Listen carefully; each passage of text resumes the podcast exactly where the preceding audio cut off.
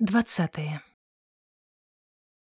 Нешта труднае і пабочнае, што ўвесь час утрымлівала іх адно ад другога воддаль, было пераадолена, перажыта шчасліва і амаль раптоўна. Мусіць тыя пакутныя парадоксы, што дапякалі Джулію, неяк былі ёю зразуметы. З гэтага моманту для абаіх засталіся толькі бражная духмянасць зямлі, макавы водар і спякотны бляск высокага неба. Сярод гэтай першабытнай стыхіі у адным кроку ад смерці нарадзілася нязведанае, таямнічае і ўладарнае. Яно жыло, прагла, палохала і клікала.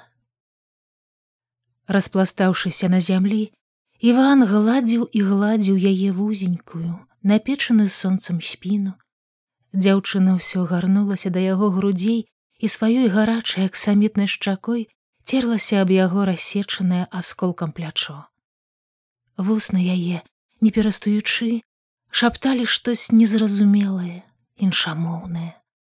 Але Іван і без таго адчуваў усё. Смеючыся вачыма, тварам душой, ён нібы абмёр у нейкай шчаслівай бязважкасці. Неба ў гары кружылася, зямля нібы вялізная касабокая талерка ўсё хінулася кудысь, і вагалася, гатовая вось вось абрынуцца ў невядомую прорву, і ад таго было соладка, хмельна і боязна. Час мусіць, перастаў для яго існаваць. Адышла ў неабыт небяспека. Ля самага хлопцавага твару горача тлелі два вялікія чорныя вугалі у шырок раскрытых яе вачах. У іх цяпер не было ні пакуты, ні клопату ні гарэзнасці нічога апроч труднага ўладарнага ў сваёй немаце клічу. Нешта падобнае иван адчуваў на краі бяздоння якое заўжды страшыла і вабіла адначасна. У яго не было ніякай сілы супрацьстаяць гэтаму клічу ды ён і не ведаў ці трэба было стрымлівацца ён зноў намацаў вуснамі вільготную жвавасць яе рота адчуў касцяную цвёрдасць зубоў. Дзяўчына моўчкі замерла. Ён прыгарнуў яе аберуч і сціх. Стала ціха ціха. І ў гэтую цішыню велічна як з нябытую вечнасць ліўся шумеў булькатаў горны поток хацелася растварыцца знікнуць у яе трапяткіх абдымках. Сплыць у вечнасць з потокам увабраць зямлю ўсю яе моц і самому стаць зямною магутнасцю, шчодрай, ціхай, пяшчотнай. А зямля ўсё вагалася, кружылася неба, праспаў расплюшчаныя павекі ён незвычайна зблізку бачыў пяшчотную акругласць яе шчакі, пакрыты маленькімі, высвечанымі сонцамі варсінкамі. Гарачай ружовасцю зяла падсветленая ззаду тоненькая ракавінка вуха. І ён пацягнуўся да яе мочкі з ледзьве прыкметным следам ад дзірачкі. Ціхенька намацаў яе губамі. Джулія прухка трапятнулася целам. Пэўна абуджаны гэтым яе рухам недзе ўнутры ў ім разгублена азваўся незнаёмы зусім тут чужы голас.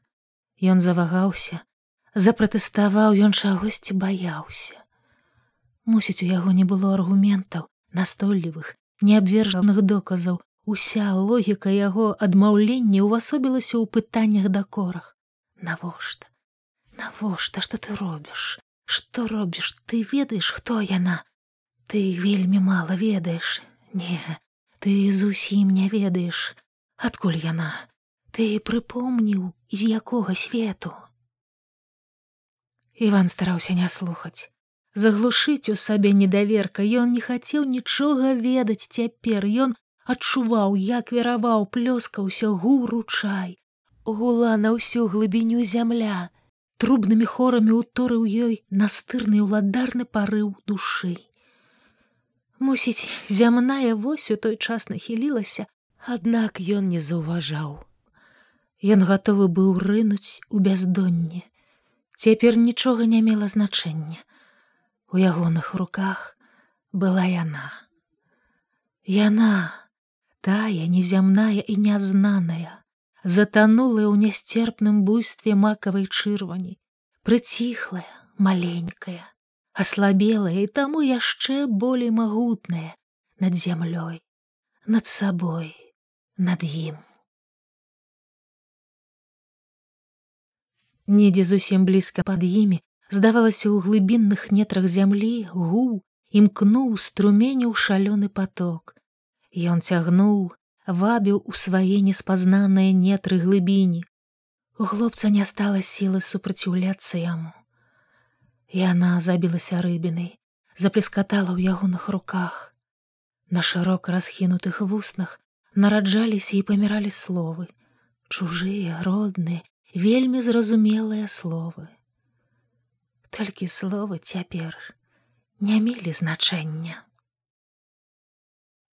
Зямныя нетры і горы і магутныя гімны ўсіх потокаў зямлі затаіліся і згодна благаславілі вялікую таямніцу жыцця.